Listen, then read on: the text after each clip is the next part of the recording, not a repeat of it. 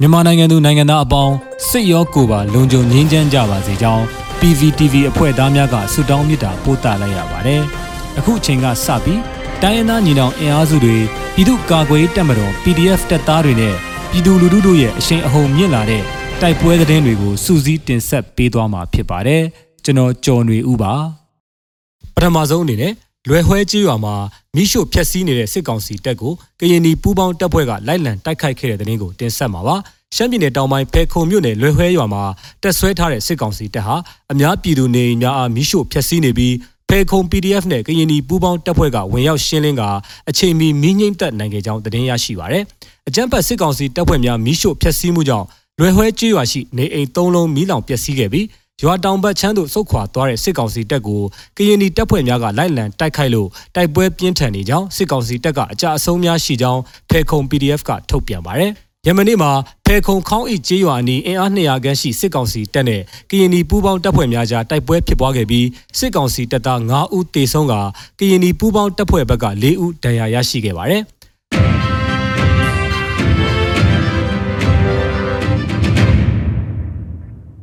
ဆက်လက်ပြီးတင်ဆက်မှာကတော့မြောင်နဲ့ထီးကြိုင်မှာစစ်ကောင်စီရင်တန်းများမိုင်းဆွဲခံရပြီးထီးကြိုင်မှာစစ်သား၈ဦးနဲ့မြောင်မှာ15ဦးခန့်တေဆုံးတဲ့တဲ့တင်ပါစကိုင်းတိုင်းထီးကြိုင်မြို့နယ်မှာစစ်ကောင်စီရင်တန်းကိုယနေ့နေ့နဲ့တနာရီ30မိနစ်အချိန်မှာဒေသခံပြည်သူ့ကာကွယ်ရေးတပ်ကမိုင်းခွဲတိုက်ခိုက်ရာစစ်သား၈ဦးထပ်မံတေဆုံးပြီးအများအပြားဒဏ်ရာရရှိကြောင်းထီးကြိုင်မြို့နယ်တရင်ရက်ကွက်များထံမှသိရှိရပါတယ်။ နိုဝင်ဘာ3ရက်နနက်တနာရီ30မိနစ်မှာတကောင်းဘက်မှတက်လာတဲ့စစ်ကောင်စီကားတစ်စီးကိုဒေသခံပြည်သူ့ကာကွယ်ရေးတပ်ကမိုင်းခွဲတိုက်ခိုက်ခြင်းဖြစ်ကြောင်းစစ်သား၈ဦးထပ်မံတေဆုံးပြီးဒဏ်ရာရရှိသူအများအပြားရှိကြောင်းသိရှိရပါတယ်။အလားတူပဲစကိုင်းတိုင်းမြောင်မြို့နယ်ပြည်သူ့ကာကွယ်ရေးနဲ့လုံခြုံရေးအဖွဲ့ CDSOM နဲ့ မဟာမိတ်ဆယ်ဘွဲ့ပူးပေါင်းပြီးနိုဝင်ဘာ2ရက်နေ့မိုးလွယ်2နာရီခွဲခန့်အချိန်မြောင်မြို့နယ်ဘိုးမြတ်တာရွာတောင်ဘက်ပေါတောချောင်းတရားအလွန်မှာစစ်ကောင်စီရင်တန်း3စီးနဲ့စစ်ကားတစ်စီးနဲ့ရဲကားတစ်စီးတို့ကိုမိုင်းခွဲတိုက်ခိုက်ခဲ့ကြောင်းကားပေါ်လိုက်ပါလာတဲ့စစ်ကောင်စီတပ်သားများအဝေးသို့လွင့်စင်သွားသည်ကိုမြင်တွေ့ရပြီး15ဦးခန့်ကြာဆုံးနိုင်ကြောင်းဒေသကာကွယ်ရေးတပ်များကပြောဆိုထုတ်ပြန်ပါတယ်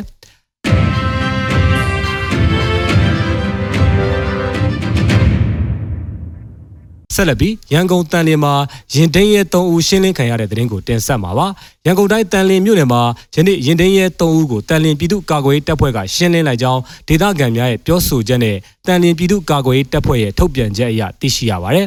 နိုဝင်ဘာလ3ရက်နေ့မွန်းလွဲတနာရီ30မိနစ်အချိန်တန်လင်းမြို့နယ်တီလဝါဆက်မှုဆောင်အောင်တပြေလမ်းဆောင်မှာ ဖြတ်သွားဖြတ်လာပြည်သူများရဲ့မော်တော်ယာဉ်များစီပေါစာကားများနဲ့ဆိုင်ကယ်များထံမှအနိုင်ကျင့်ကာယာဉ်များသိမ်းယူခြင်းငွေများတောင်းယူခြင်းများပြုလုပ်နေကြောင်းတိုင်ကြားလာတာကြောင့်တန်လင်းပြည်သူ့ကာကွယ်ရေးတပ်ဖွဲ့ကစုံစမ်းစစ်ဆေးကာအမှန်တကယ်ငွေကြေးတောင်းယူအနိုင်ကျင့်နေတာကြောင့်ပြစ်ခတ်ရှင်းလင်းလိုက်ကြောင်းတန်လင်းပြည်သူ့ကာကွယ်ရေးတပ်ဖွဲ့ကဆိုပါတယ်